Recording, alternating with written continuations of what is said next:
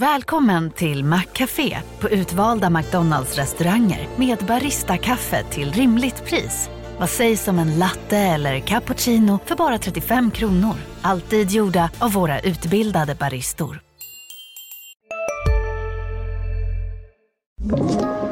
Podplay.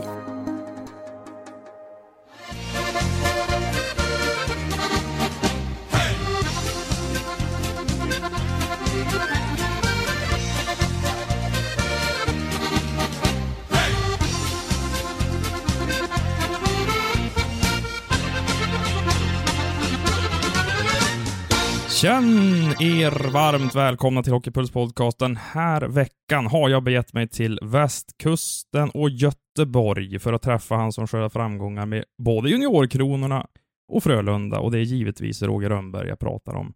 Först och främst, vad roligt att du vill gästa podden. Ja, tack så mycket. Det är bara roligt att vara här. Säsong 9 med Frölunda, Roger. Har du aldrig under den här tiden känt äh, nu gör jag något annat. För nio år, det är en lång tid. Nej, faktiskt inte att eh, i alla fall jag ska leta efter att göra någonting annat. Så, um, så har jag inte tänkt på hela den här tiden. Det, det, det, det har hela tiden varit nästa dag som har varit mitt, mitt fokus. Vad är det som är så spännande med Frölunda? Om du får sätta ord på det själv. Oj, det är många saker, men det är, nummer ett är det ju föreningen Frölunda. Det är människorna i Frölunda. Att det, vi verkligen är, eh, är ett gäng som jobbar tillsammans från, från styrelsen via klubbledningen in till, till ett underbart coachteam till, eh, till ett lag. Och eh, det är speciellt att verkligen vara en förening och vara i en, i en miljö där man backar varandra.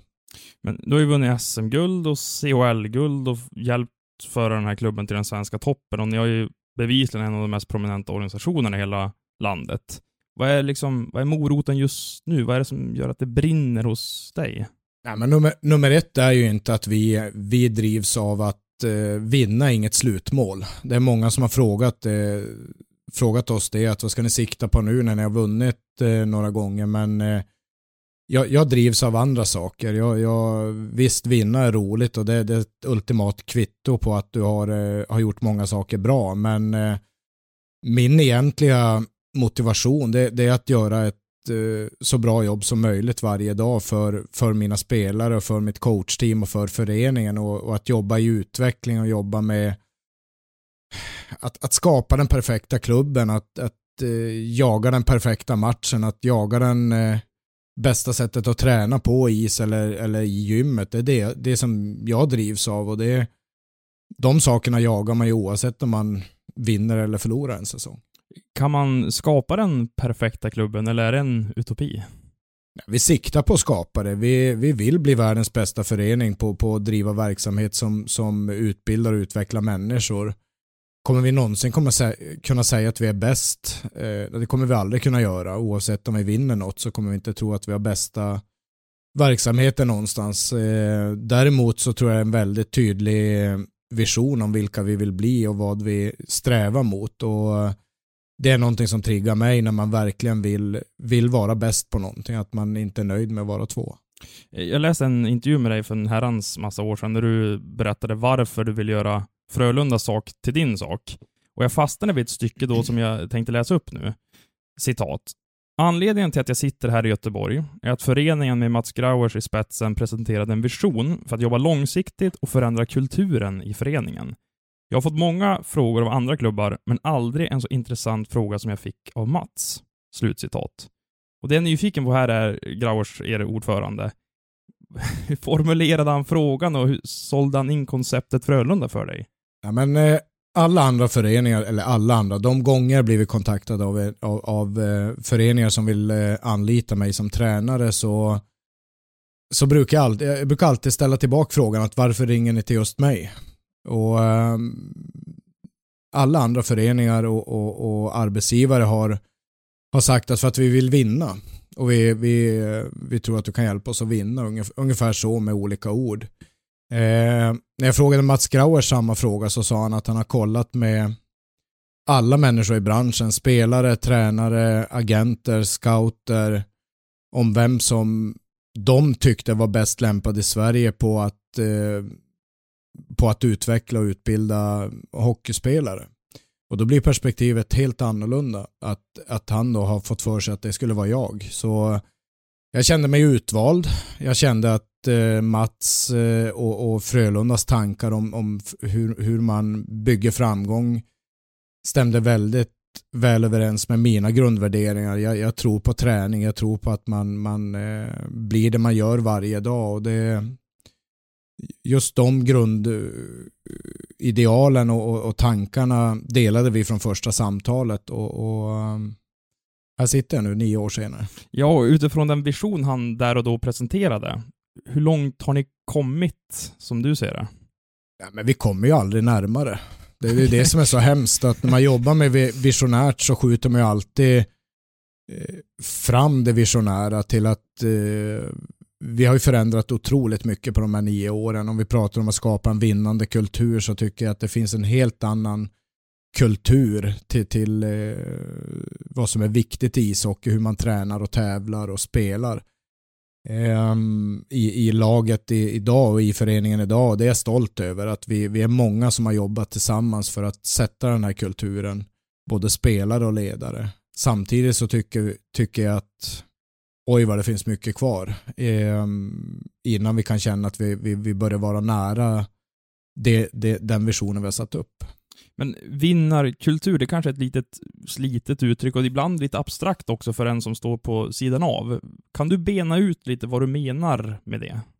Ja, en, eh, en vinnande kultur är, är, är ju, hur ska jag säga, det är någonting som gör att, att, att, att, eh, att, att man växer och att man, eh, att man tar steg mot att både spelare och, och, och, lag att, eh, ska jag säga, tror så här att det är nog bättre att prata om eh, en, en liten historia, en anekdot. För jag var jäkligt, jag var jäkligt nyfiken på det här, att vad är vinnande kultur när jag var juniorlandslagscoach och även jobbade som assisterande i Tre Kronor och hade turen att vara med på något VM där, där det kom in ett gäng spelare från Detroit Red Wings med, med, um, med Zäta i spetsen, Kronvall och, och um, eh, fantastiska människor. Franzén var med kommer jag ihåg. Och, uh, de, de uh, kom ju från en vinnande kultur i Detroit Red Wings och uh,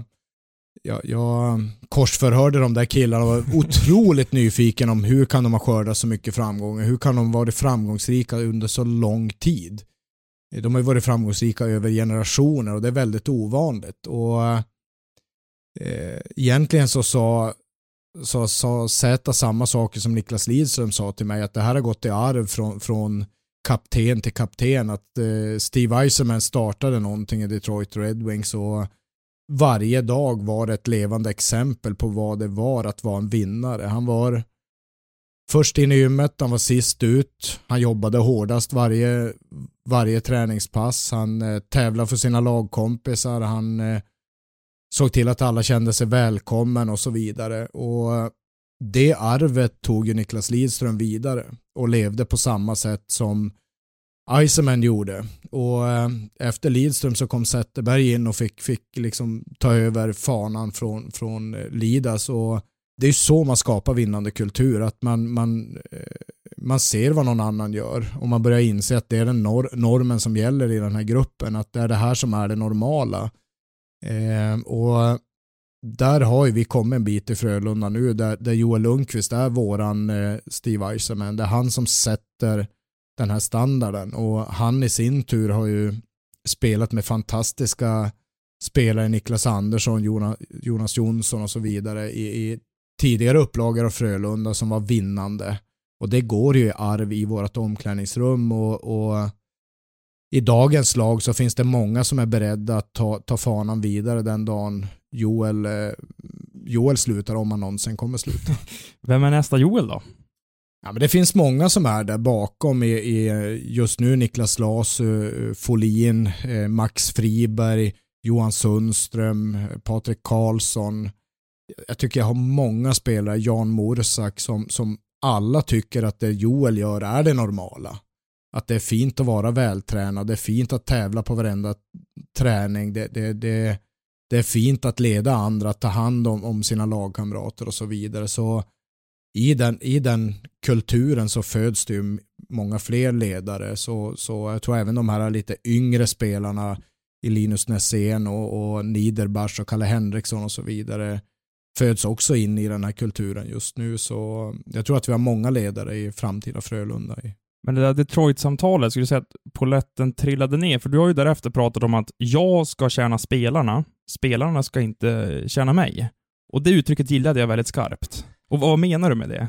Ja, men jag menar att eh, det finns olika sätt. att Det, fin det finns coacher och ledare som, som tycker att spelarna ska spela för dem. Att eh, eh, de gör saker för att de måste göra det för coachens skull och att det är ett maktspel. Och det är också en grej jag fått av de här Detroit-killarna att eh, de spelade ju som bäst när de var helt övertygade om själva hur de skulle spela.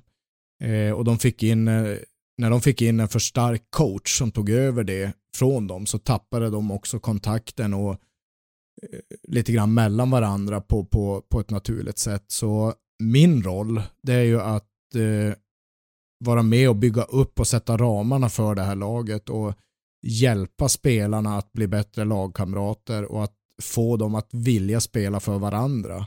Absolut inte spela för min skull, utan eh, jag vill ju att alla i laget ska, ska eh, jobba så hårt de kan för att Jens Olsson ska få vinna sitt SM-guld i sin långa härliga karriär. Kan det hända att du märker något ute på isen som du känner att det här skulle jag vilja tillrättavisa? Att du istället pratat till exempel med Joel som sedan tar det vidare till den här killen för att du vill att det ska komma från det hållet? Det händer ganska ofta och det, det är så, om man pratar om en vinnande kultur jämfört med en förlorande kultur så och jag har ju provat på att vara i bägge och när man är i en, i en, en förlorande kultur eller en förlorande cykel så, så är man ju där som coach och korrigerar varenda misstag och man, man, man eh, Eh, belönar och bestraffar spelarna med, med, med ett lite äldre typ av ledarskap som, som var väldigt vanligt för 50 år sedan kanske och funkade då men inte alls fungerar nu. Och när man är ett vinnande en vinnande cykel med ett lag där man bygger varandra så är det precis tvärtom. Att jag får, jag får hjälpa spelarna med ledarskapet. Jag får se till, fortfarande mitt yttersta ansvar att det blir gjort. Jag kan aldrig ducka för mitt ansvar. Mitt ansvar som headcoach är totalt för hela laget. Allt som händer i laget eh, faller i mitt knä om vi inte får tillväxt på det. Men däremot är det inte mitt ansvar att coacha varenda beteende så att vi kommer framåt utan precis som du säger så händer det ganska ofta att jag eh, kan prata med, med, med Folin om någonting runt eh, Simon Edvinssons både spel och beteenden som, som han korrigerar på ett naturligt sätt som lagkamrat. Och jag tror att det är där man börjar skapa en vinnande kultur. Att, att, att eh, man bryr sig om varandra och man, man tar hand om varandra och man coachar varandra. och det som händer när man gör det här, när, när vill nu Folin att det är den som ska blocka ett skott så kommer inte Folin missa att blocka ett skott själv i nästa läge. Mm. Så du får det, en dubbeleffekt på det. Ja, man får det. Man, man, man får verkligen det. Och det är ju det långa sättet att bygga en vinnande kultur. Och för det, det här tar tid innan spelare tar det här ansvaret och, och, och förstår att man gör det för, för, för varandra på riktigt. Du pratar om förlorande kulturer och gammalmodigt ledarskap. Mm. Kan tänka mig att 8-1-regeln inte existerade förr, som nu finns i Frölunda, och jag vill att du pratar lite mer om den. För den är väldigt viktig för er som jag har förstått det. Ja, jag, jag, jag tror ju verkligen på positiv förstärkelse. Att, att eh, förstärker man positiva beteenden så, så kommer de ju att uppträda oftare. Och eh, om vi pratar om alla andra situationer nästan i samhället förutom ishockey så är det här fullständigt logiskt. Om vi pratar om barnuppfostran eller skol, skolarbete och så vidare. Om man bara korrigerade misstag och skällde och bestraffade någon som gör fel i, i en barnuppfostran så, så um, kommer ju inte det barnet att bli tryggt. Och utan trygghet så skapas aldrig eller ett samarbete och utan trygghet så skapas heller aldrig en självkritik som gör att du utvecklas som människa. Så för mig att jobba med positiv förstärkelse är, är grunden i allt. För, för än positiv positiva förstärkelsen så kommer ju också en bekräftelse av att jag ser dig och jag tycker om det du gör. Och eh, Det får människor att känna sig, eh, att, att, att de tillhör flocken och ger någonting för flocken. Och det är också så att... Att de kanske känner sig sedda också. Exakt. Och eh, det är också så att det finns ju tusen olika sätt att göra fel på, men det kanske bara finns ett eller två att göra rätt på. Och då gäller det att brukar prata med coacherna om att det gäller att man vaskar guld så att man hittar de här guldkornen och förstärker det positiva i det man vill se oftare än att eh, hitta felen för felen. Det, det ser alla. Det, det, till och med min mor som aldrig har stått ett par hockeyskridskor ser om någon tappar pucken som sista man när de gör mål eller om målvakten slår en felpassning och det behöver inte jag som coach göra. Det ser ju hela Skandinavium. Så att eh, däremot att se när när, när, när magin händer, när, när, när man gör rätt, det, det är min största uppgift. Så det krävs åtta positiva ord eller uttryck eller kommentarer för en tillrättavisning sammanfattningsvis? Ja, vi, vi har använt det lite grann, både för spelarna så att det inte ska bli för negativt, för att det, det är lätt att vara på varandra och vi har hög kravnivå i Frölunda, så spelarna har ju lätt att ta till att skälla på varandra när det inte blir bra och ledare framförallt har ju lätt i, i våran roll så faller vi ibland tillbaka coacherna till att eh, vi ska tillrättavisa spelarna och vi, vi har det för coacherna kom igen nu, hitta åtta positiva innan du ska dit och gnälla. För att har du hunnit berömma en människa åtta gånger för någonting så kanske den här människan nionde gången är beredd att lyssna på en korrigering också. Däremot om det är tvärtom, att det är åtta negativa så kommer de inte ens höra den positiva tror jag. Här och nu då. Eh, ni har två raka sjunde säsonger, en platå ni bevisligen inte vill vara på. Vad blev konsekvensanalysen av de här två vintrarna som vi kanske ser effekten och resultatet av nu? Ja, vi, vi utvärderar ju väldigt noggrant både under och efter varje säsong och vi, vi har hittat massor med saker vi vill förändra även åren vi vinner. Vi har till och med vunnit SM-guld och CHL-guld något år här för mig. Trots att man brukar säga att man aldrig ska förändra vinnande lag. Ja, det, det tror inte vi på. Man, okay. Vi jobbar med ständig tillväxt och tror inte att man, om man tror att man hittar ett recept bara för att man vinner ett år och ska göra samma sak, då blir man, då blir man förbisprungen av andra. Kanske då utvecklingen avstannar. Ja, och, och man blir alltid kopierad någorlunda när man vinner. Så vi måste jobba med ständig utveckling och förändring och det, det gör vi alla säsonger. Sen blir det lite extra skarpt när vi resultatmässigt har haft väldigt svaga vårar två år i rad. Vi har haft bra höstar eh, och, och, och tappa energi och, och, och så under, under våren. Och det, det har vi tittat mycket på tillsammans med spelarna och det, det finns en massa olika faktorer till att till att det blir som det blir. Så, ehm, kan du nämna några saker som ni skruvat på då? Ja, alltså jag tror så här att när man jobbar med utvärdering så det vanligaste människor gör att vad var felet? Man vill hitta en orsak som ger en verkan. Men jag tror att det behövs sex, sju saker som behöver samfalla för att man ska krascha som vi gjorde i våras. För det gjorde vi. Vi, vi, vi, vi, vi kraschade i våras och eh, det finns en massa olika saker men går man, ska man se på faktan som, som vi alltid utgår ifrån så, så hade vi i fjol för, för dåligt målskytte. Det är den fra, framförallt största, största faktorn att vi, vi skapade mest målchanser av alla lag i SHL i fjol och vi gjorde absolut minst på våra chanser. Så det, det är det ena. Är allt fel då? Är hela spelidén dålig? Är hela lagbygget dåligt? Nej, givetvis inte. Men vi lyckades inte göra mål på våra chanser. Eh, ska man börja bena i det, hur ser det ut då? Hur ser truppbygget ut? Hur eh, har vi jobbat med ledarskapet hela året? Hur är självförtroendet på spelarna? Hur ser spelidén ut för, för att göra mer mål?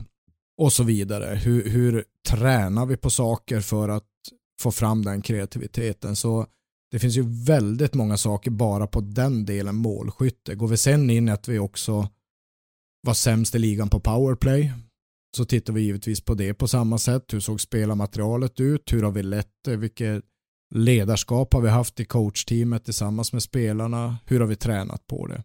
Och hittat massor med saker.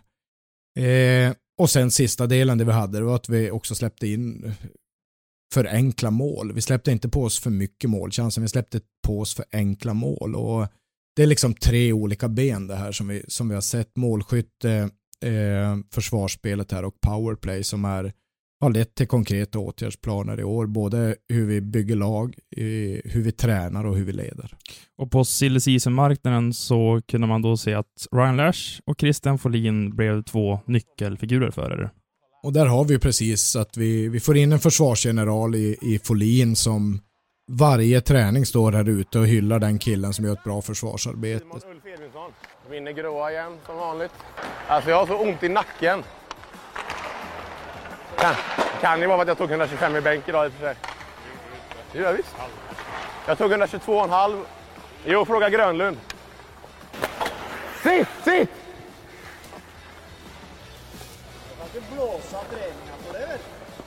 Nej men det är fan det. Han fick en puck här bak, det gjorde jätteont vet du. Sjung då. Sjung något. Puck på pungen, puck på pungen. Puck på pungen, puck på pungen. Ja! Ja! Ja, ja, ja! Träffa mål! Fan! Fötter, fötter! Bakom Simon, bakom! Det var ett tufft byte. Jag blev lite andfådd precis. Det är därför jag flåsar, inget farligt. Det är fullt normalt. Det som på riktigt eh, är våran försvarsgeneral nu och se till att forwards backcheckar eh, färdigt varenda situation och tappar en forward. Du ler lite Roger. Ja, men jag han ser är, det här. Nej, men han är underbar. Vi, jag börjar kalla honom för Folini istället för Folin för jag tycker han påminner om den här italienska mittbacken från, från fotbolls... Vad var det? Någon fotbolls-EM i somras? Eller? Ja, det var EM i somras ja. ja vad hette Chiellini han då? ja. Chiellini hette han. Så, Chiellini. Och han spelade med hjärta i försvarsspelet och stod och jublade som att han hade gjort mål när han nickade till en hörna. Och där är Folin lika viktig för oss för att han får in själ och hjärta i vårt försvarsspel på ett sätt som jag aldrig tror att jag kan få som coach. Men, och det är en annan sak som bygger vinnande kultur där, man har en spelare som, som, som han som, som kan driva vårt försvarsspel och stoltheten till, det, till att spela försvarsspel för alla spelare och det sprider sig till alla. Eh, och har gjort att vi nu i säsongsupptakten är tätare. Har, har vi ändrat så mycket i våran spelidé? Nej, det har vi faktiskt inte gjort, även om det, det är det lättaste att ta till för folk att vi, vi, vi spelar annorlunda. Jag tycker vi lyckas mer i, i hur vi vill spela i år än vad vi, vi, vi får spelarna spela mer uppoffrande försvarsspel i år än vad vi gjorde i fjol. Det är den stora skillnaden. Eh, Ryan Lash, samma roll men i offensiven. Han är våran offensiva quarterback, han driver vårt anfallsspel både fem mot fem och eh, i powerplay så att vi kommer till mer lägen där vi kan göra mål. Han, han eh, får upp blicken på många av sina, sina lagkamrater om att eh, tänka offensivt och se möjligheter istället för att se problem. Så han, eh, han har en otrolig betydelse för oss i, i både målskyttedelen och i, i powerplayet. Så, och deras intåg är ju en del av den analysen vi gjorde i fjol, absolut. Men kunde du de här två senaste säsongerna ligga sömnlös och känna en oro så här? Är vi sönderlästa? Hur kommer det sig att lagen brottar ner oss? Nej, det, det, det är oftast en medial bild att det, det, var, det första man angriper i svensk lagidrott om ett lag inte fungerar, det är ju spelsystem. Ja, narrativet blir ju som sådant. Ja, Absolut. alltså spela, spela IFK Göteborg dålig fotboll, då hör jag direkt de inte spelar 4-4-2 eller vad det heter, då, då får de kritik. Jag, jag kan ingenting om fotboll, men då brukar det vara spelidén och jag tänker så här, men det måste finnas fler saker. Här spelsystemet. Det, det finns ju massor med lag ute i fotbollsvärlden som en del vinner på spela som Barcelona en del vinner på att hålla ihop ett lag och liksom satsa på konto. Alltså det finns ju många vägar till Rom och senaste nio åren sen jag kom till Frölunda så, så, har, så har ju Växjö vunnit tre gånger tror jag och vi har vunnit två gånger. Vi har totalt olika spelidéer. Eh, men bägge organisationerna vinner. Så jag tror att man kan vinna på olika sätt. Och eh, jag, jag, jag brukar skratta åt det ibland för när man ser Växjö utifrån så var de totalt utdömda åren innan de vann nu. Det där alla hockeyexperter tyckte att de spelade för långsamt och för omodernt och så vinner de och så tycker hockeyexperterna oh de spelar smart Växjö och kolla på Frölunda. De är sönderlästa, de, de spelar naivt, de spelar inte alls lika smart som Växjö och så ska man spela som, som de helt plötsligt. Så att det här går ju trender medialt men det bryr vi oss inte om så jäkla mycket för att om, om vi ska byta spel, det är totalt, då får vi börja om från början. Det är ungefär som att Barcelona skulle sluta att tro på sitt, sin idé och sitt spel och ta dit en tränare som ska spela en helt annan ishockey. Då ska de ändra hela sin akademi. Vet vad, jag gillar det exempel, för vi Eller- ser vad som händer med Barcelona just nu, förfallet nere i Katalonien. Så det är ett väldigt bra exempel, Roger, måste jag Ja, säga. jag, jag sa att de ska ändra sin ishockey, men de ska ändra sin fotboll. Jo, jag, men jag tror att folk förstår jag. fall. Men det är väldigt intressant det du pratar om nu, men upplever du att det medialt finns, alltså lite att man vänder kappan efter vinden? Ja, det, det är klart att det är så. Det, det är medias eh, roll, så vi måste förstå varandras roller. Att, eh, det, det är väl ingen i media som när Växjö vinner säger att de, fan vad, vilken eh, föråldrad spelidé de har. Då, då får de inga, inga jobb på någon tidning tror jag.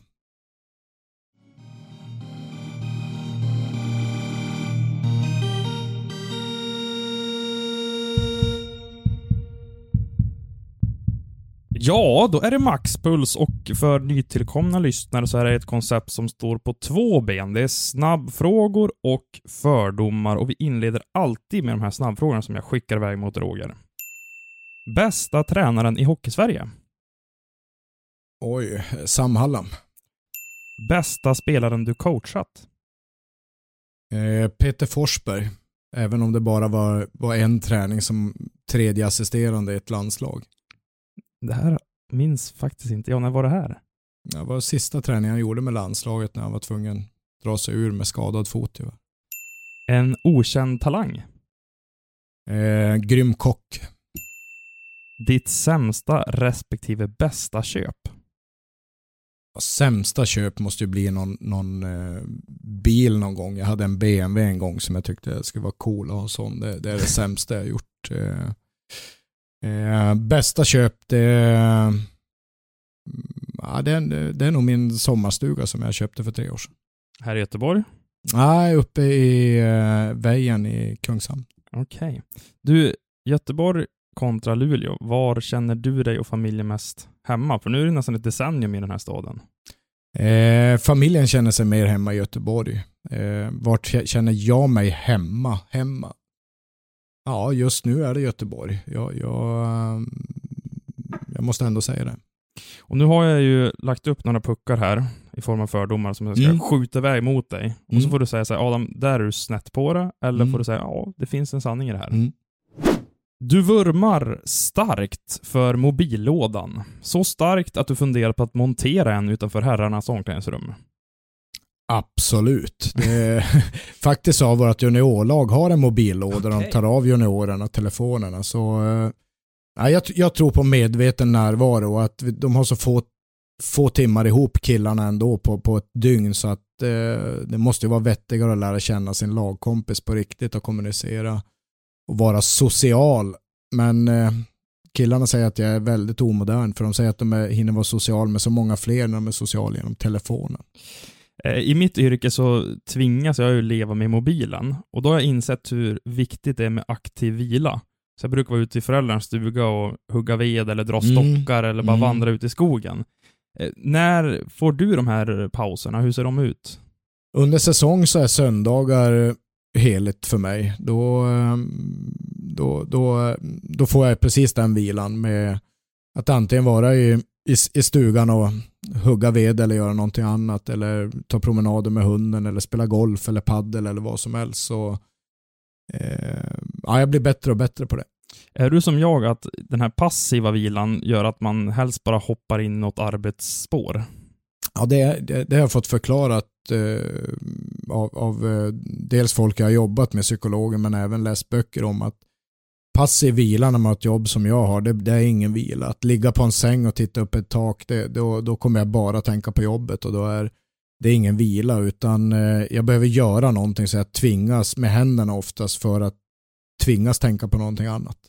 Hur försöker du hjälpa dina spelare att koppla bort ishockeyn? För det måste finnas en balans där också för att man ska kunna prestera gissar jag.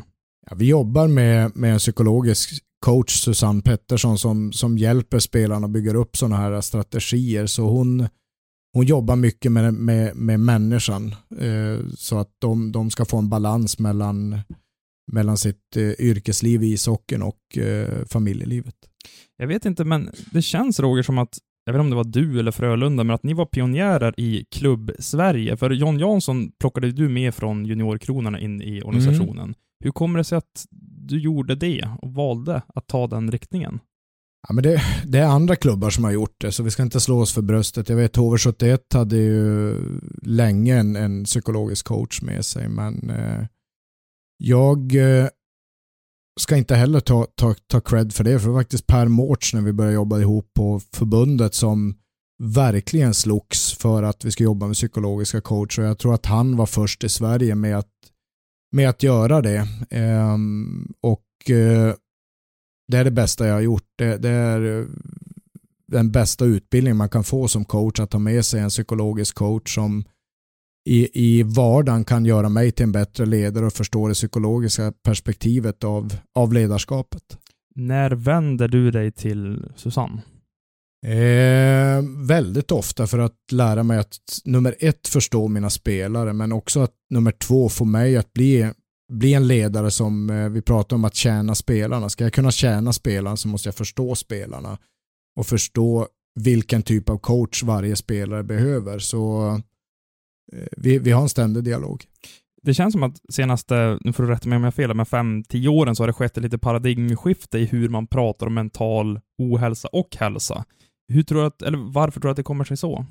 Jag är glad att det händer och jag är glad att vi hårda, eh, ibland ganska brutala elitidrottsvärlden börjar att prata om det här. Eh, både om mental ohälsa, att det finns, jag tycker Robin Lehner gör ett jättejobb för det ute och slåss på barrikaderna och vi, vi, är många som ska, ska tacka honom för det. Och eh, sen också att prata om hur man bygger mental hälsa i klubbarna. Att jag tror att föreningen och arbetsgivaren har ett jättestort ansvar för att se till att man har resurser som kan ta hand om medarbetarnas mentala hälsa och det, det är jag glad för att vi har tillsatt resurser för här i Frölunda.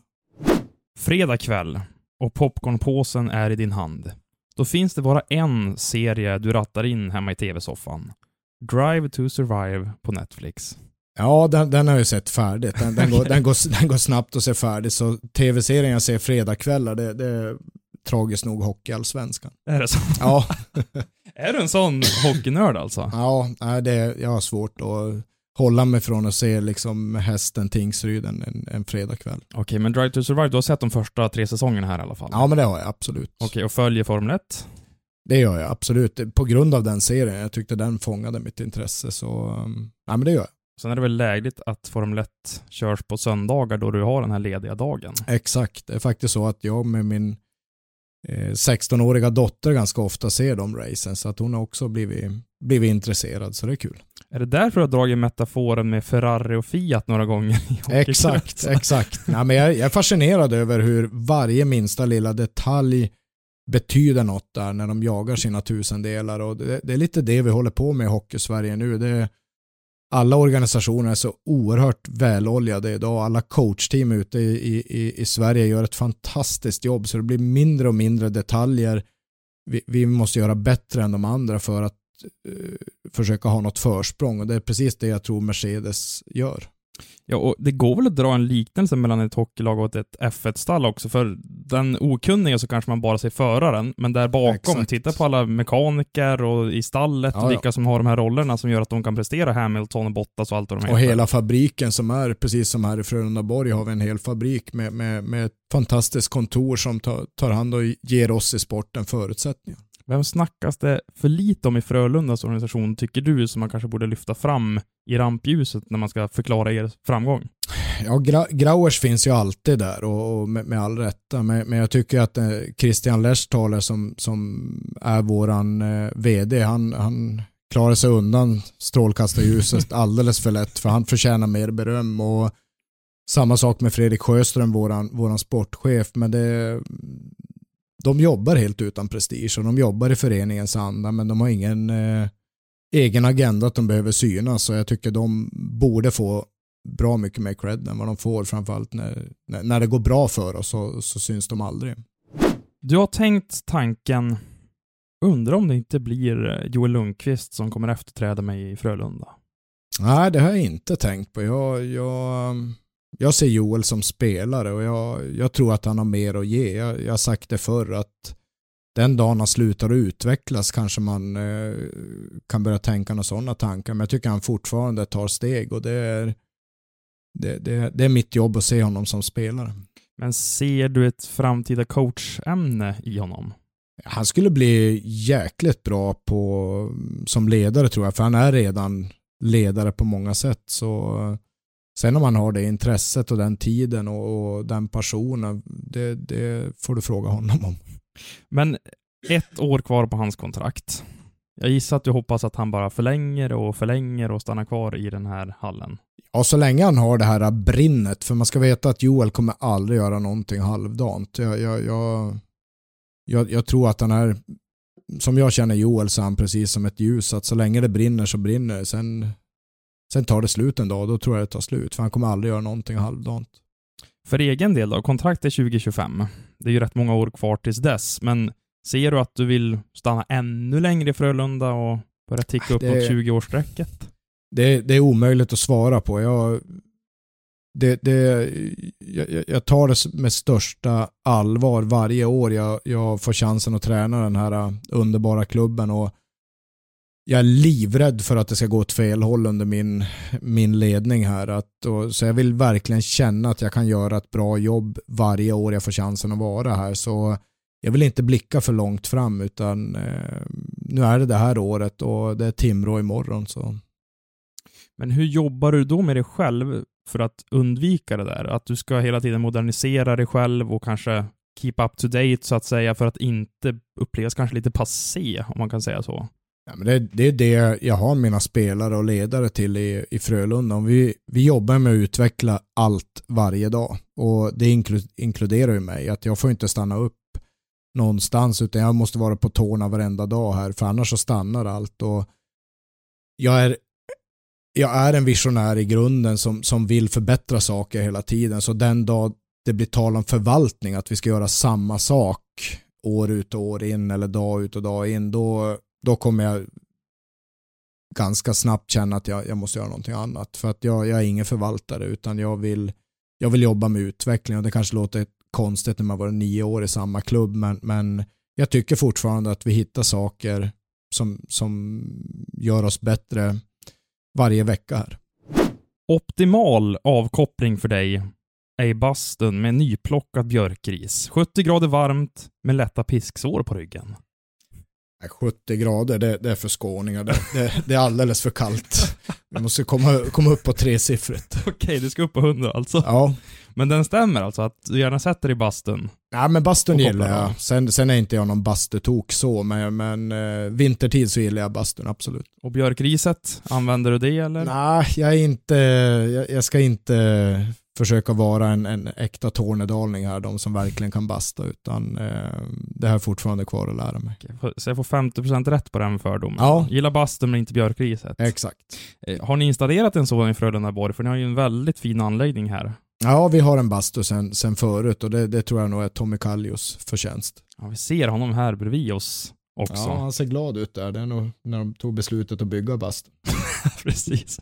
Brukar han vara i de här korridorerna och hälsa på någonting? Har du haft med honom något att göra? Ja, jag, har träff, jag har haft lyckan att träffa Tommy några gånger och han är, ger ett fantastiskt, jag ska inte säga att jag känner honom, men han ger ett fantastiskt ödmjukt och, och, och eh, härligt intryck. Men eh, han har inte varit här och hälsat på, men skulle, han någon, skulle det här nå han så är han alltid välkommen. Ja, han har varit med i podden förut och pratat om jobbet han gör i Finland han är rätt bra på sitt yrke där borta får man säga i öst. Mm. Ja, det, det förvånar mig inte. Istället för att helt enkelt köpa ett nytt bälte har du, likt många andra män, tagit fram hammaren och spikat upp nya hål i ditt favoritbälte. Ja, jag, jag är nog mer där. Absolut. Jag, jag, jag handlar nog kläder kanske en gång per år, så att eh, inklusive bälten så det, det, det stämmer. Så du har gått ut i garaget, tittat efter favorithammaren och spikat upp några extra hål. Nu kanske inte du har pendlat i vikt så mycket under de senaste åren, så kanske Nej, du behövt göra jag, det. Men... jag, jag har inte det och oftast när man ska ha nya, nya hål så går man väl ner i vikt. Så att, Ja, precis. Jag brukar säga det i podden att jag vill vara 50-procentig, men kanske börjar nå upp i en hyfsad räddningsprocent där på runt, jag är inte uppe på 90 ens ännu för jag har två fel, men helt okej betyg kanske jag får ändå. Jag vet inte. Det är bra, 75 procent är bra. Det är bra.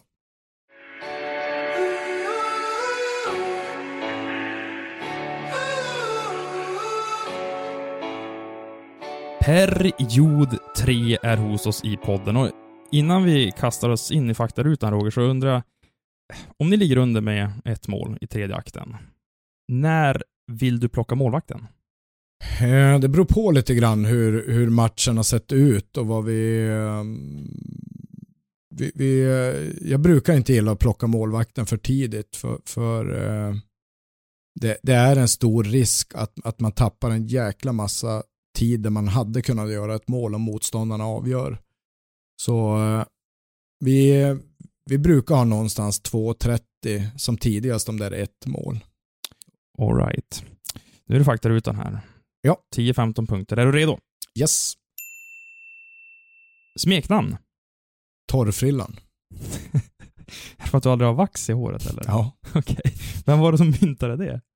Ja, det, det, det är tidiga juniorspelare uppe i Luleå som, som tyckte att jag var vansinnigt konsekvent med att inte sätta något produkter i håret. Men du, Luleå, kan man säga att det fortfarande är din klubb?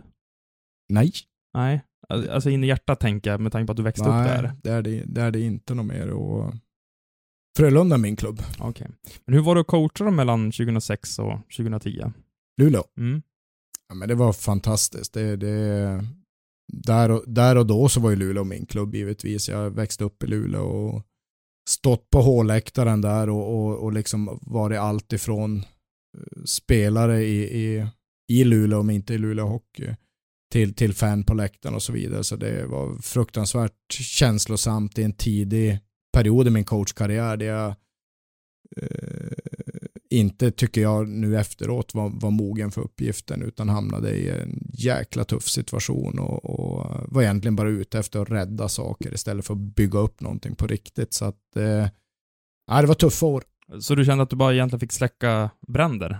Ja, alltså vi, eh, nu, jag, jag, jag tycker inte att vi, jag var inte nog konsekvent som ledare, var inte nog bra som tränare för att förstå och, och um, verkligen driva ett, eh, ett spel och en, och en, en spelartrupp i rätt riktning konsekvent över tid. Så um, jag, jag tycker jag var för tidig uppe på den rollen. Finns det någonting i Luleå-Roger som hänger kvar än idag? Ja, i Luleå så, så lär man sig att jobba hårt. Man lär sig att tävla, man lär sig att eh, ta ansvar för det man gör och eh, stänga alla ursäkter om, om man ska vinna något. Så den attityden, den, den är definitivt kvar. Det är en av mina kärnvärderingar att, att man behöver jobba hårt för att uppnå någonting och det, det har jag definitivt fått, fått av min uppfostran i Luleå. Vad fick du med dig från Slavomir Lener och Roger Kyrö som du jobbade med under de åren? Eh, Slavomir Lener, jätteintressant att jobba med. Helt annat perspektiv till coaching. Både hur man eh, coachar i olika individer till, till eh, hur man driver träningar till hur man eh, kan spela hockey, eh, hockey till hur han förde sig som coach. Han, han var verkligen Sla, Slavomir både var och är ju en coach som för sig i alla olika sammanhang och, och, och har en otro, otrolig pondus och integritet. Eh, Roger Kyr är en av mina bästa vänner än idag som, som jag, även om inte vi har kontakt på tre år så vet jag att hade jag haft problem då, då är det ett samtal bort så kommer han. En otroligt lojal. Vi är specialister på det vi gör, precis som du. Därför försäkrar vi på Swedea bara småföretag, som ditt. För oss är små företag alltid större än stora och vår företagsförsäkring anpassar sig helt efter firmans förutsättningar. Gå in på swedea.se företag och jämför själv. Hej, Synoptik här. Hos oss får du hjälp med att ta hand om din ögonhälsa. Med vår synundersökning kan vi upptäcka både synförändringar och tecken på vanliga ögonsjukdomar. Boka tid på synoptik.se. vän och medarbetare som, som är en, eh, en lagkille fullt ut, Roger Kyre. Han, eh, Det, det är verkligen en sån här kille som du kan lita på i alla väder som är där för sina, sina vänner och lagkompisar. Att tillsammans med honom ha huvudansvaret där från 2007, det var en liten turbulent tid också. Micke Renberg, kaptenen, lämnade för Skellefteå. Hur minns du det då, att få det ansvaret samtidigt som han drog iväg? För vi har ju pratat om vikten av Joel Lundqvist och ha den där kaptenen som ett ledande Mm. exempel. Så det måste väl ha varit rätt tufft att förlora honom på det sättet också? Ja, men det, det, det var tufft då. Det, det, det, det, det grundades i att hela den här Åbollhärvan eh, lindades upp där med vad det innebär att, att eh, vi förlorade ju Renberg och kanske någon spelare till som, som var på väg in som gjorde att vi inte hade en första kedja till att vi, vi var rätt gröna i, i, i den miljön och, och eh, vi hamnade i skuld ganska tidigt och en tuff situation. Sen är jag stolt över att vi, vi till slut redde ut den och, och sen började bygga upp en kärna som senare var en kärna för Luleå under, under många år där bland annat Anders Burström som jag jobbar med idag togs hem som för att få tillbaka kärnspelare som hade hjärta för föreningen i, i, i Anders Burström och Kalle Fabricius och få, få de killarna att styra omklädningsrummet igen. Men var det svårt att köpa och förstå vad Renberg gjorde där då? Att han flyttade till Skellefteå, antagonisten. Det var, nej, jag, hans beslut lägger inte jag mig i för jag tror Micke tog de besluten som var som han tyckte var bäst där och då så men det var, det var, det var en kaosartad situation i, i, i föreningen när allt det här rullades upp så nej, jag kan inte ge mig på hans beslut på något sätt. Men av den anledningen kan det finnas en liten stolthet i det ändå när du blickar tillbaka att ni höll er flytande i SHL under den där ekonomiska härvan och turbulensen.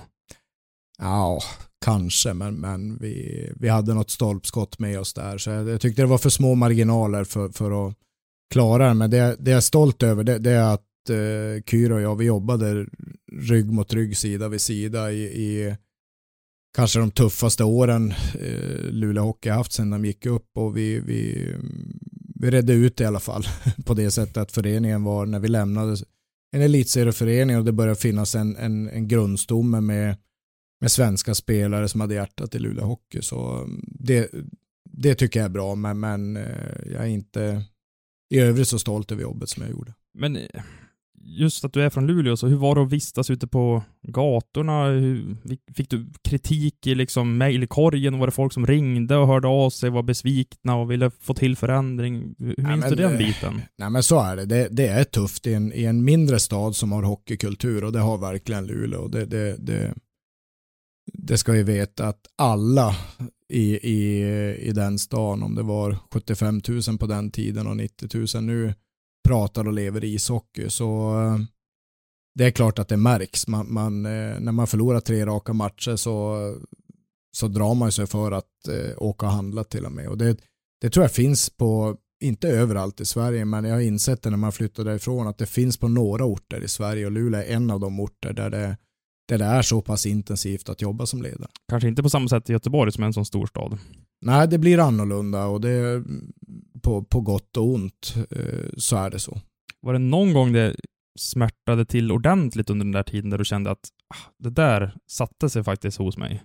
Ja, alltså jag, jag hade ett mindset under de åren att jag, jag stod på barrikaden och kände att fan jag vill, vill och måste göra allt för föreningen för att jag tillsatt ett uppdrag och jag backar aldrig. Jag, jag, där och då så får man inte tvivla på sin förmåga. Man, man behöver bara ta nästa steg framåt för att skydda spelarna, skydda gruppen, få, grupp, få ihop gruppen, få ihop spelarna, se till att vinna nästa match. Så man har fullt upp med det och då, då kan man ta att fans är besvikna, för det, det ska fans vara. De, de älskar sin förening och måste få uttrycka sin besvikelse. Det var massor av sånt, men det har jag en förståelse för. Men när barnen kommer hem från skolan och, och, och gråtandes över saker som är sagt om en, då, ehm, då tar det på riktigt när, när, eh, när, när, ehm, när barnen blir påverkade. Det, det förstår jag. Vad var det som kunde sägas? Men det, det är väl tråkiga saker av eh, skolkompisar och sådär. Det, det är länge sedan nu, men det ja, så, sånt eh, tror jag griper tag i alla människor när ens barn börjar bli påverkad. Gör det att man som tränare börjar fundera, är det här ens rätt sak att syssla med för mig? Ja, där och då så börjar man fundera på det, absolut. Det det är enda gången det, det sådär på riktigt hugger tag i en att är det här verkligen värt det? Ålder? Ja, Ja, det är på dig. ja. Frågar man verkligen eh, medelålders män de- den frågan? Jag tänkte säga grattis, för du har ju fyllt 50 nyligen. Ja, här. du släppte det i alla fall. ja, jag gjorde ja. det. Men Ja, det går tack. att googla fram till också. Så det Ja, jag. ja, jag misstänkte. Ja. Ja. tack så mycket.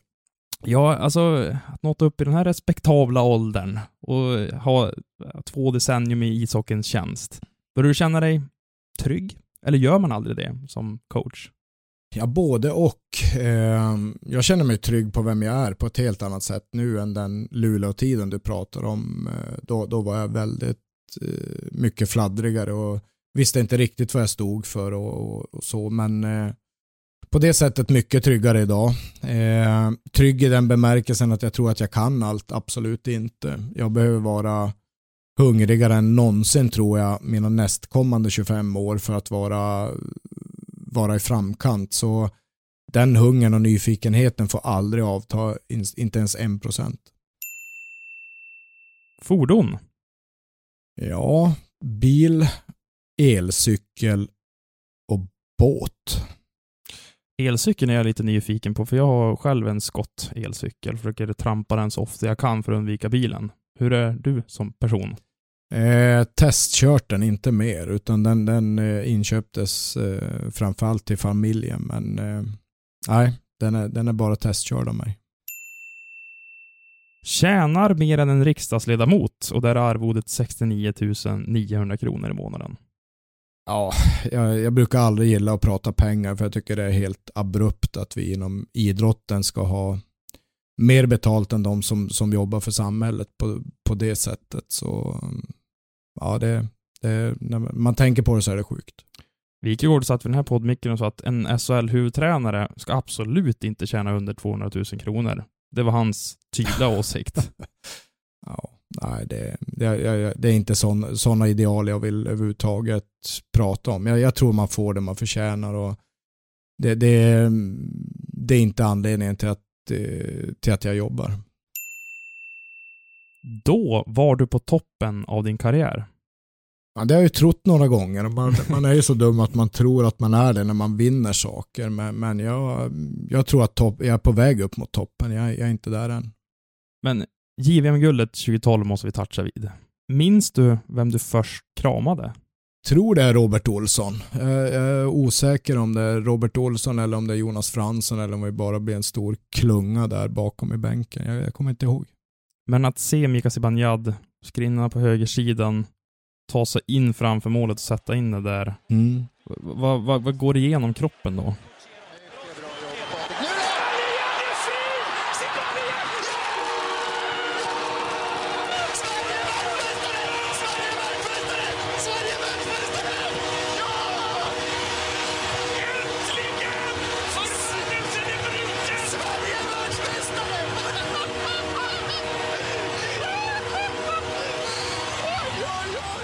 Jag hade först fullt fokus på domarna för jag tänkte att de, de kommer hitta ett sätt att döma bort det här. Är det verkligen sant? Har vi verkligen avgjort det här? Är vi framme nu efter alla års eh, planering och alla tusentals samtal och läger som vi har genomfört? Att är vi verkligen är vi där nu att vi ska få gå ut på blålinjen och, och, och höra den svenska nationalsången? Jag, jag trodde inte riktigt på det först.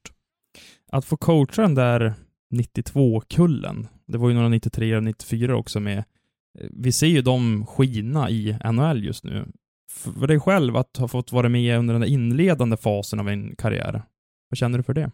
Nej, oerhört tacksam. Eh, tacksam för allt jobb som gjordes. Och, och, och- och det är ju så att det är inte en sak som avgör om man vinner utan det, det är igen det är sex, sju olika, kanske 10, 12 olika faktorer som gör att svensk ishockey har möjligheten att vinna det här äh, JVM-guldet. Det hade jobbats väldigt hårt från 0-0 hela vägen fram, eh, 12 år, till att man sen till slut kunde ha turen med sig och vinna det här guldet. Så jag är oerhört tacksam för det, att vara en del av det där. Sen var den här kullen 90, med födda 92, man, man, det är lätt att, det är ingen som tror på det när man säger att den var speciell, men de, de var speciell på, på varenda samling och det som Max Friberg sa till mig här eh, när det spelades JVM förra året att då påminner han mig om hur många matcher vi hade som och var obesegrade och hur många gånger vi hade slagit finnarna i följd och bla bla bla och sånt där. Jag är ingen historiker, jag har inte reflekterat över det, men det är ju ett makalöst eh, resultat på den kullen när man ser vad de har gjort och de förlorade ju J18 VM finalen 92 och vilket tror jag bidrog till den här sista bestämdheten och kaxigheten att nu fanken skulle de ha med sig buckla med på planet. Om jag ber dig minnas tillbaka på de två gulden med Frölunda, vilket är det första som poppar upp då? Ja, jag har ett, ett minne när, när det är en tekning ute i mittzon i slutet av eh, då vi vann första gången 2016 då man inser att det här kommer gå vägen. Och då, det, är, det är bara några sekunder kvar kommer jag ihåg där på, på um, utanför egen blå linje då man inser att vi kommer ta det här. Det är helt sjukt. skickar undan. 10 sekunder kvar. Fantemer skickar ytterligare en gång och Frölunda kommer att bli svenska mästare i ishockey och säsongen 2015-2016. För fjärde gången i klubbens historia är Frölunda svensk mästare. Det är ett faktum nu efter 5-3 i den här femte SM-finalen mot Skellefteå. Totalt 4-1 i matcher för Frölunda. Jag är imponerad av eh, Frölunda just att man har spetsen, det har vi pratat om. Det har inte Lasse Lekkonen visat, inte minst då. Men arbetet man gör här uppe.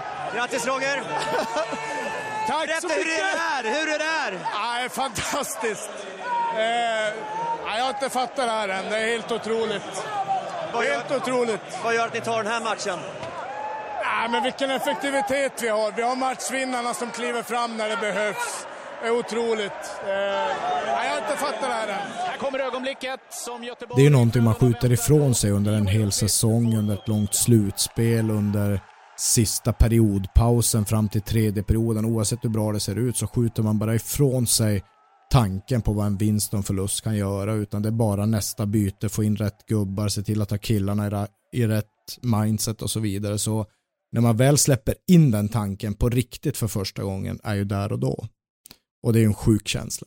Men tillåter du dig själv att njuta där då? Ja, där är första gången njutningen överhuvudtaget kommer. Och det var samma sak när vi vann 19 eh, uppe i Globen. Att eh, när vi gör ett av de där sista målen så, så, så kommer jag ihåg att det kom över mig och man, man, man kan börja titta upp och se, man ser folk på läktaren och man börjar fundera shit, vi, vi, vi, vi gör det igen.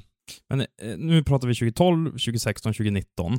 Um, och du nämnde att det var 6, 7, 8, 9, 10 faktorer mm. som gör att man blir ett vinnande lag. Vad är det som mm. måste samverka för att det ska kittas ihop och att det ska funka? Ja, men jag, jag, jag, tror att om man ska ha chans att vinna, det är precis som, som du drog med F Formel 1 där, det, det, går inte att ha några stora fel på, på Formel 1-bilen. Det går inte att ha en dålig förare. Det, det går inte att ha otur. Har, har du fel på no några faktorer, då har du inte en chans att vinna.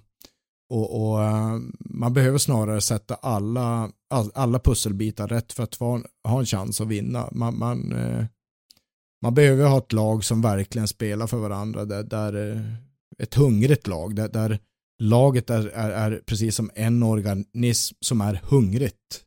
Och det är svårt att förklara det där, men, men jag sa det till, till laget i morse att jag upplever att vi är där nu, att vi är som en hungrig organism som bara vill, vill ta nästa match och, och, och tävla fantastiskt för varandra. Och det, det, är liksom det första tycker jag. Sen så behöver man alla de här faktorerna med att, med att vara vinnande i special teams. Eh, man behöver få igång ett målskytte, man, man, behöver kunna försvara sig under långa perioder, ha ett boxplay som är granitsäkert och, och, och en stabil målvakt. Så att, eh, och, och, man behöver vara bäst när det gäller. Och sen banne mig behöver man inte lite tur dessutom, för så pass jämnt är det. Så att någon av de här avgörande matcherna på resan varje år vi har vunnit så har vi tänkt att oj, oj, oj, det hade kunnat gå den andra vägen. Så, så pass tajt och jämnt är det. Din största motgång? Oj, de är många. Um, ja, jag kan ju börja och rabbla upp motgångar. Jag har förlorat två SM-finaler med, med juniorlag uppe i Luleå. Det tyckte jag var en motgång med, med att vi förlorade några SM-finaler där. Jag tycker att vi med 91-kullen i junior-VM eh, åkte ut med dunder och bra. Vi hade ett bra lag, åkte ut på, på, på straffar där dåligt coachat och lett av mig. Hur då? Eh, nej, vi hade inte förberett straffskyttar på nog bra och, och det, det, är också en sån sak som faller tillbaka på en headcoach att ha killar som är redo för det läget och, och vara bäst när det gäller och lärde vi oss mycket av så året efter gick vi vidare någon straffförlängning. Vi, en annan motgång är, är tredje JVM där vi bara fick silver där vi förlorade en final mot USA där jag tycker att vi den låg och väntade på oss, den finalen och, och den och det, det är ett antal beslut där som jag också aldrig kommer glömma.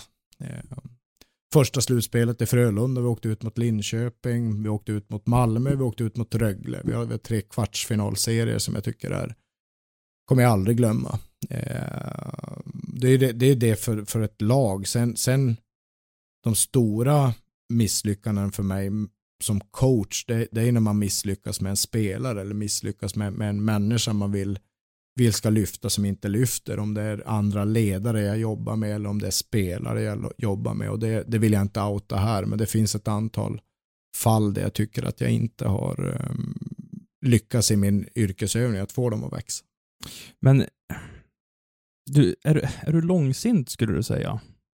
Nej, det, det vill jag absolut inte vara. Jag tror inte att jag är det heller.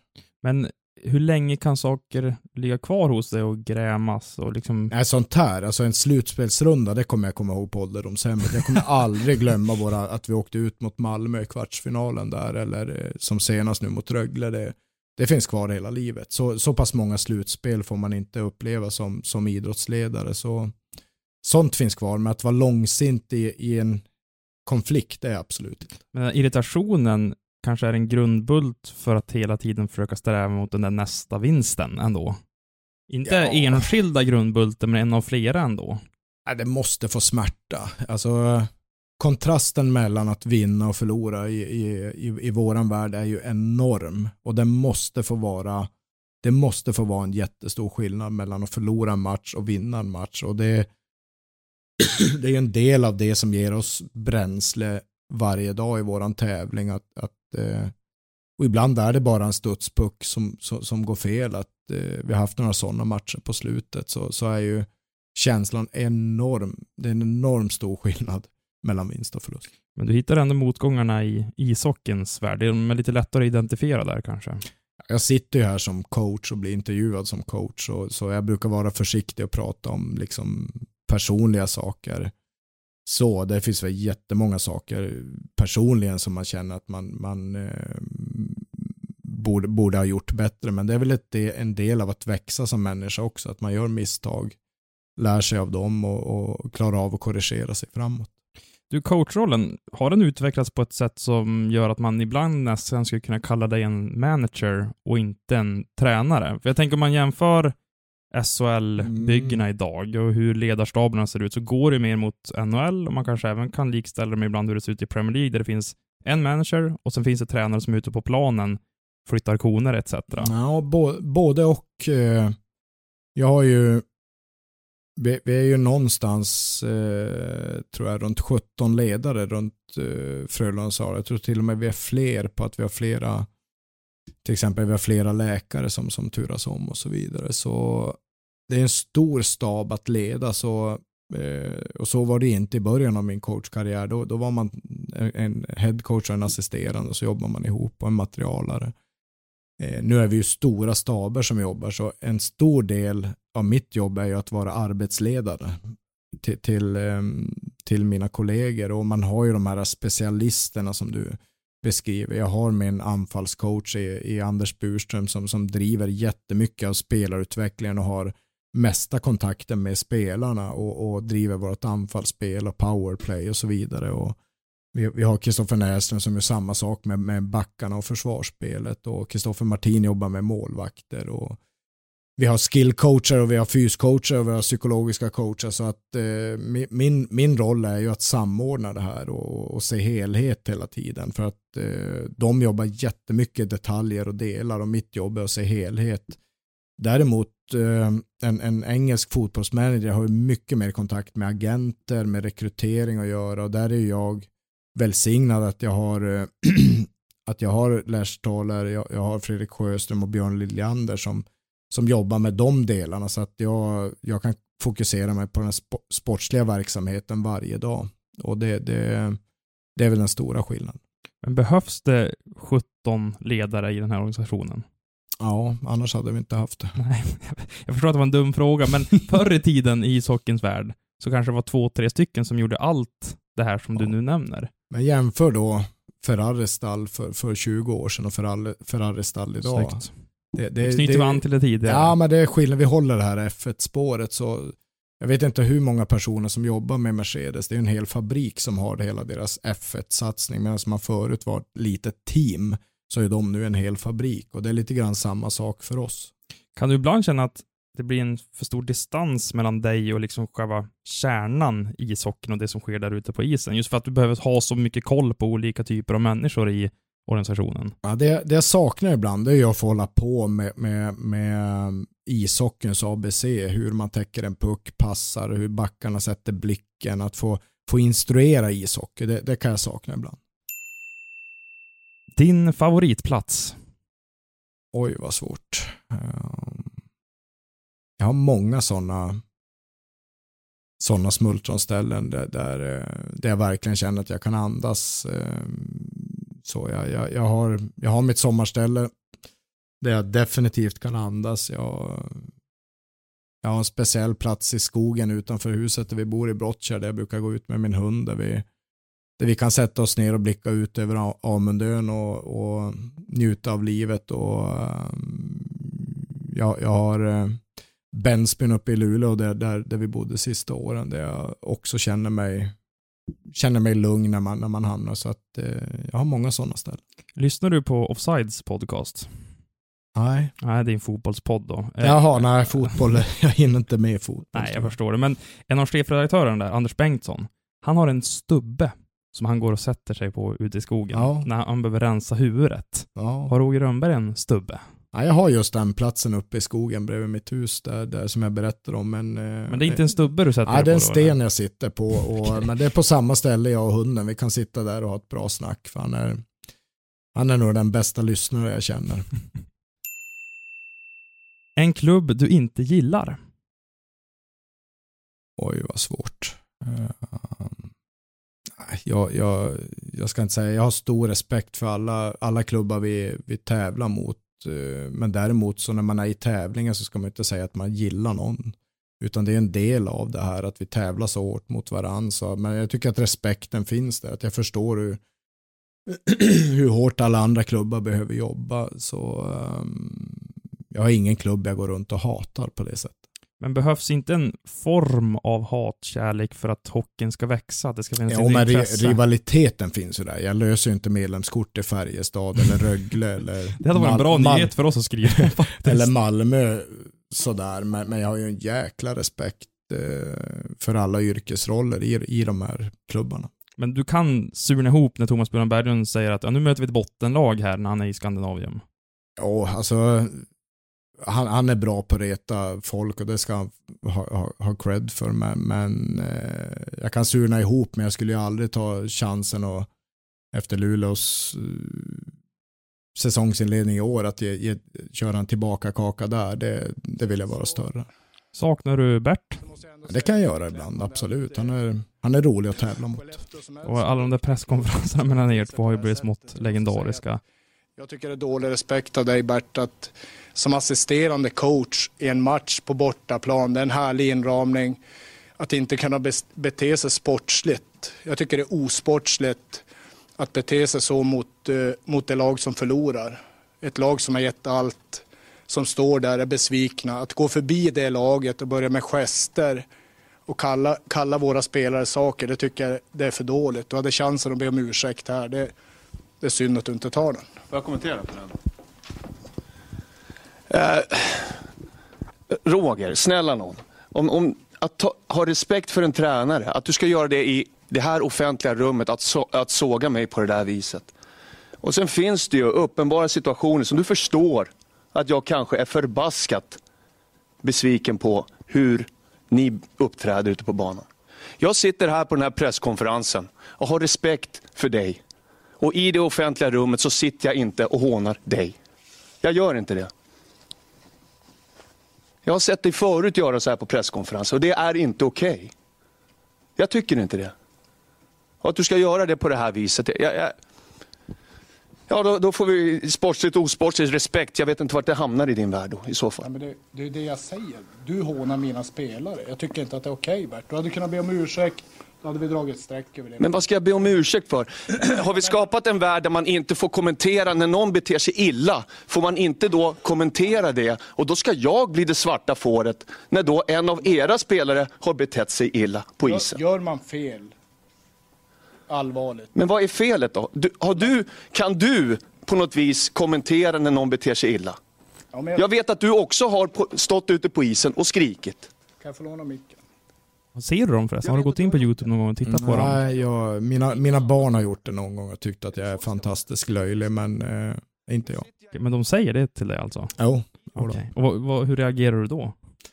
Nej, jag vet, man, alltså, när man ser sådana saker så, så inser man ju hur jäkla löjliga vi är och, och um, när vi håller på och tävlar så Bert är där, han står upp för sitt lag, jag står upp för mitt lag och, och eh, vi bråkar och blir sams. Det är inget konstigt med det. Han, eh, han, han, han gör sin grej och jag gör min grej och vi, vi står upp för våra lag. Det är inte något konstigare än så, men när man ser det efteråt så tänker man, men herregud, andas Roger.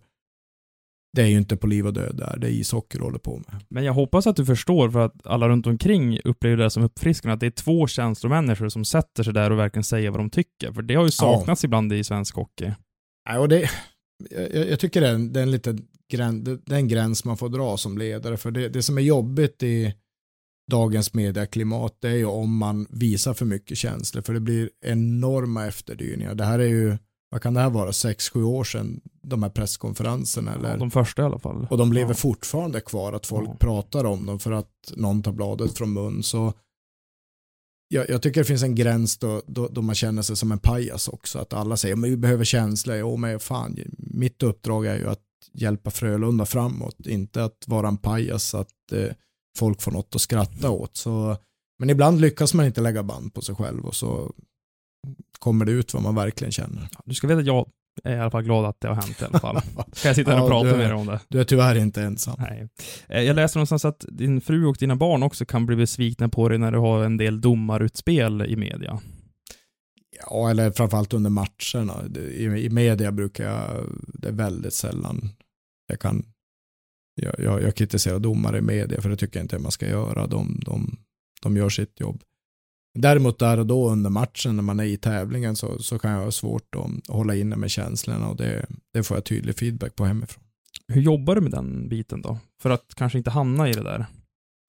Ja, jag, jag jobbar ju dels med hur jag vill vara och jag tror att som coach, eh, jag behöver, precis som domarna behöver vara när de är bra, behöver de vara lugn. Eh, Jag tror att en lugnare coach gör ett mycket bättre jobb än en coach som står och sk- skriker och gapar och får spelarna stressade och jobbar jäkligt mycket med, med igen, vad är, det för, vad är det för typ av coach laget behöver av mig? Vad behöver de av mig och vad behöver de inte av mig? Och där, där har vi en ständig dialog i laget, framförallt Joel och jag vart den gränsen går. Eh, när behövs energi på bänken i, i form av att man är, man, man är högljudd det, och det är väldigt sällan.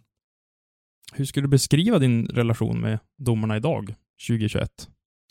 Det är lite olika. Det, det är ett gäng olika domare. Vi, det finns några domare som jag tycker vi kan, vi kan bråka och bli sams. Eh, vi, vi kan om vi träffas någonstans sätta oss ner och ta en öl och skratta och eh, komma ihåg tokiga situationer och möts som kollegor. Eh, och det finns vissa domare där den relationen inte har utvecklats på det sättet utan där, där vi går på varsitt håll och säkert sätter oss vid varsitt bord om vi skulle träffas.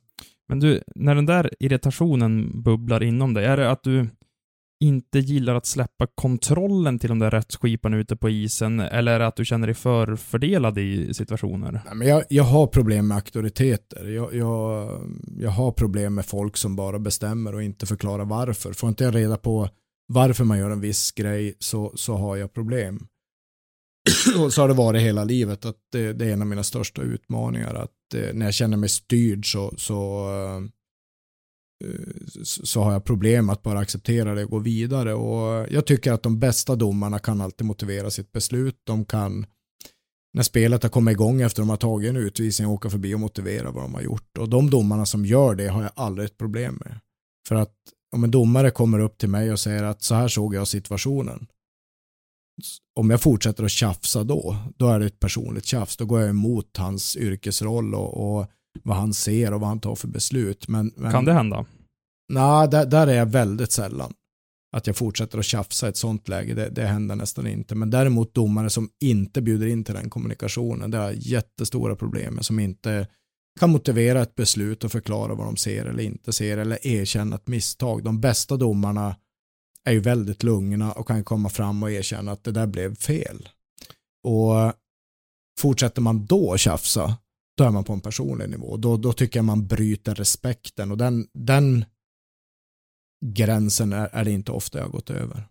Men vad, kan du då känna när Micke Sjöqvist, en av domarna, gick ut och sa att men med Roger kan det ofta bli en envägskommunikation och det är brist på respekt hos honom då? Jag har inget emot honom som människa utanför, men just när han ställer sig på tränarbänken kan det hända att det blir så.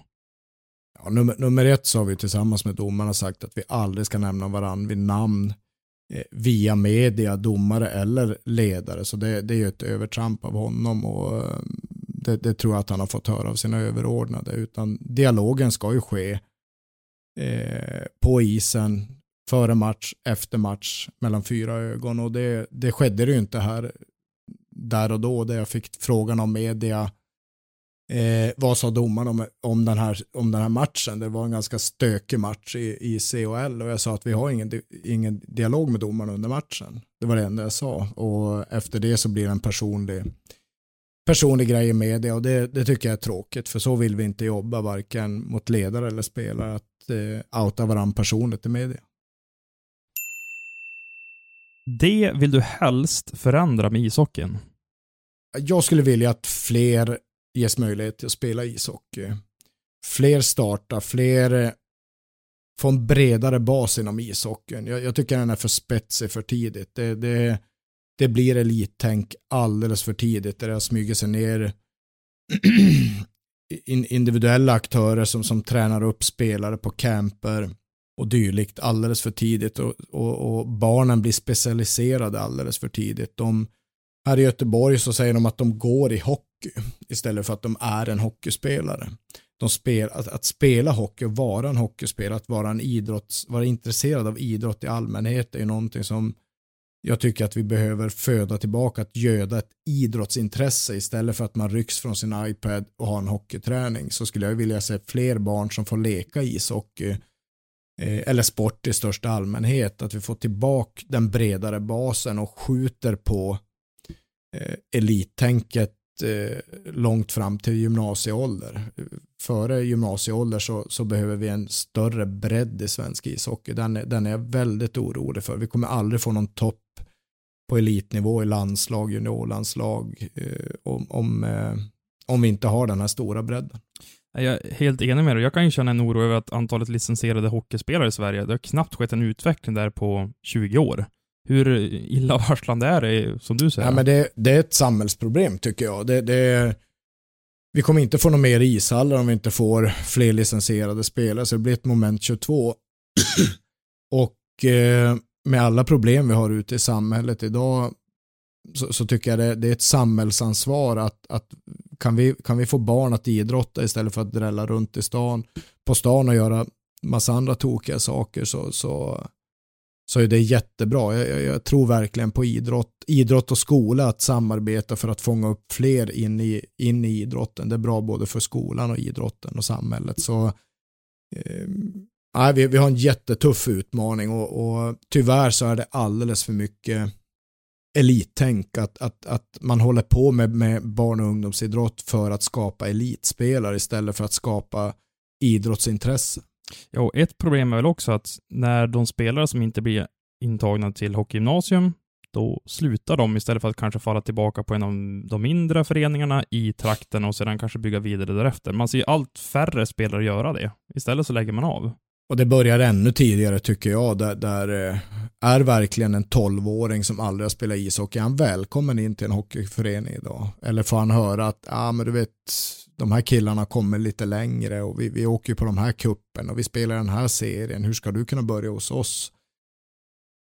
Och, och det är någonting jag verkligen vill slåss för, att liksom varenda, eh, varenda själ som är intresserad av idrott, ta in dem i idrotten och se till att de, de, de, de får upp det här riktiga, riktiga intresset runt idrott så att de, de eh, i framtiden kan, kan föra det vidare. För var, varje barn vi förlorar från idrotten kommer ju inte med hög sannolikhet vara en av de här idrottstokarna som, som tar hand om barn i framtiden. Nej, det är väldigt intressant. Jag träffade Magnus Johansson för ett tag sedan och där har vi ju definitionen av en late bloomer. Att kan vi få fler sådana i svensk ishockey, då är man rätt glad faktiskt. Ja, det finns, jag, jag skulle vilja ha ett eh, kommunalråd som är idrottstokig, som bygger idrottshallar eh, och det får man inte om, om, om kommunalrådet har, har, har blivit borttoppad som, som sjuåring. Då kommer han vara bitter mot ishockeyn och ha några andra intressen och, och, och bygga till bibliotek eller museum istället. Så vi, be, vi behöver idrotten i samhället. Men då vet vi vad du ska satsa på 2025. Bli ungdomsledare. Kommunalråd. Ja, det, det, det är jag underkvalificerad för. En person i hockeyvärlden du inspireras av? Oj. Um, det finns väldigt, väldigt många. Det är det tråkiga svaret. Att jag, jag, jag har inte en. Jag har eh, all, alla människor jag har jobbat med har eh, på det ena eller andra sättet inspirerat mig. Det, det, mm, det, jag har jobbat med många fantastiska människor, coacher, ledare, spelare. Så, så ehm, jag har inte en, en person så som, som jag har som idol direkt. Du har haft sju olika assisterande tränare från första dagen med Frölunda till idag. Eh, vad beror det på? Är det att folk har tröttnat på dig eller har du tröttnat på dem? Eh, ja, kanske någon har tröttnat. Jag har inte tröttnat på dem. Eh, jag, jag tror att eh, några av dem är väl headcoacher idag med Robert Olsson, Claes Östman och, och Johan Lundskog som, som är jätteglad att eh, det är en naturlig tillväxt att du när du är så duktiga ledare som de tre är, att de eh, tar nästa steg i sin karriär och, och, fortsätter att utvecklas. Och även om jag älskade att jobba med de tre så kan ju inte vi låsa fast dem här att eh, de ska vara assisterande hela sitt liv. Utan jobbar man under så här lång tid som nio år så får man nog räkna med att byta byta kollegor för, för att eh, det sker en tillväxt och utveckling hos dem och det, det, ehm, det är jag glad för. Ett lag du gärna vill träna? Ja. Jag, jag, jag har ju en dröm någonstans att eh, jag tycker det är stort att representera Sverige.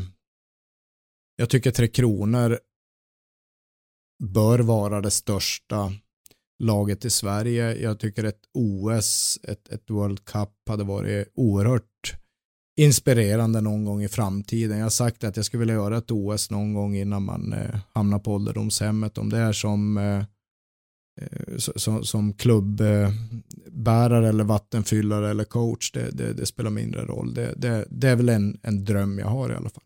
Men när du växte upp, förbundskapten för Tre Kronor, var det drömjobbet? Nej, det var ore, totalt orealistiskt. Jag har aldrig haft det som som re realistiskt mål, utan det, det, känns helt orealistiskt om man ser på vilka fina förbundskaptener vi har haft genom åren och vilka fantastiska ledare som har varit där och, och, och varit missionärer för, för den liksom svenska stilen genom, genom åren. Så nej, det, jag har aldrig ens tänkt om tankarna. Men att bli förbundskapten idag, skulle du vilja bli det? Nu sa du vattenbärare eller något annat i laget, men ja, du är ju trots allt headcoach. Ett, jag är headcoach idag, och det, men, men det är som jag sa tidigare under intervjun att eh, jag kommer inte bryta kontraktet med Frölunda och jag har ett kontrakt med Frölunda till, till 25 så eh, jag är här och nu och jag, jag tycker det här är det absolut finaste uppdrag jag, jag kan ha. Jag är eh, 100% eh, i det här tillsammans med, med alla andra människor i Frölunda så är, är, är, lever vi tillsammans i det här så att jag skulle aldrig kunna bryta det för att sätta mig själv i, i, i centrum på något sätt. Så att det är i så fall långt fram i framtiden, men då kanske man är för mossig. Du nämnde Sam Hallam tidigare som den bästa coachen i Hockey-Sverige. Ja, Han han, ju- vann, han vann ju senast. så. Precis. Eh, Men han har ju kopplats ihop med en del NHL-organisationer, eller att han eventuellt skulle Mm. kunna vara ett objekt för det. Eh, Har du någon gång känt att jag vill dit, till Nordamerika, och hävda mig? Jag tror Sam, alltså, det är lättare oftast om man ser på någon annan och jag tror att Sam Hallam hade gjort ett kanonjobb eh, i, i eh, vilken liga som helst och, och definitivt NHL, där hade han fixat hur bra som helst. Så eh, jag, jag, jag, jag har stor respekt för den liga vi har här i Sverige. Jag tycker den är bra. Jag tycker den är bra coachad. Jag tycker vi har många coacher i Sverige som är, är väldigt svåra att spela mot. Som, som eh, över tid bygger, bygger svårspelade lag. Så, så jag tror att svensk hockey håller hög klass. Sen är det en, en helt annan kultur i NHL så kan en svensk coach åka över dit och göra samma sak? Nej, det tror jag inte.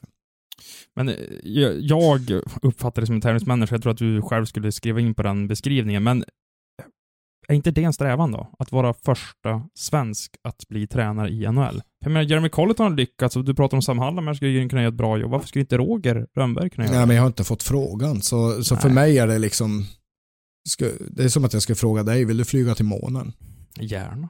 Ja, men då kan man sitta och drömma om det, Precis. liksom att vad, vad kul att vara astronaut. Det är ungefär samma sak med NHL för mig. Att så länge inte någon frågar så är det väl ingen idé att fundera på det. Och det jag, jag, jag tror på att leva här och nu. Och gör man ett bra jobb så, så kanske någon annan vill ha mig efter Frölunda. Att jag får, men det, det kan lika gärna vara att jag står på, i, i Mölndal och bygger upp ett hockeygymnasium. Så det får vi se.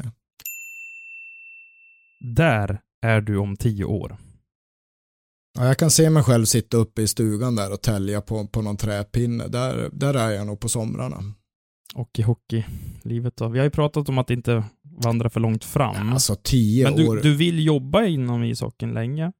Eh, det tror jag. Det, det, jag har massor med energi och jag, jag älskar det jag gör och det kommer hela tiden nya utmaningar. Så det, jag, hoppas jag har chansen att få jobba som coach om tio år. För tio år är enormt lång tid och vi ska veta att det går många arbetslösa coacher runt om i hockeyvärlden som, som inte har ett jobb och, och, och ett lag att coacha. Så jag hoppas att jag har ett lag om tio år där, där, jag, där jag får, um, får, får, får chansen att träna. Sen, sen om det är i Sverige eller det, det är i Kanada eller om, om, om det är i, i Ungern, det, det vet vi inte. Roger, vet du vad jag ska säga nu? Ja, det är svårt att gissa. Mm, jag förstår det. Jag ska säga tack för att du gästade Hockeypuls podcast. Det var väldigt intressant att få blicka tillbaka på din karriär och prata ledarskapsfrågor och mycket annat. Ja, tack så mycket. Det är stor ära att få vara med. Roligt. Och jag säger tack till alla som har lyssnat också. Det är ett nytt gästavsnitt om en vecka nästa onsdag igen och vi säger tack och adjö för den här gången. Men adam.johansson.expressen.se Ni kan vända er dit om ni har några tankar funderingar eller gästförslag. Nu säger jag tack för oss och säger, sätter punkt för Roger Rönnbergs avsnitt.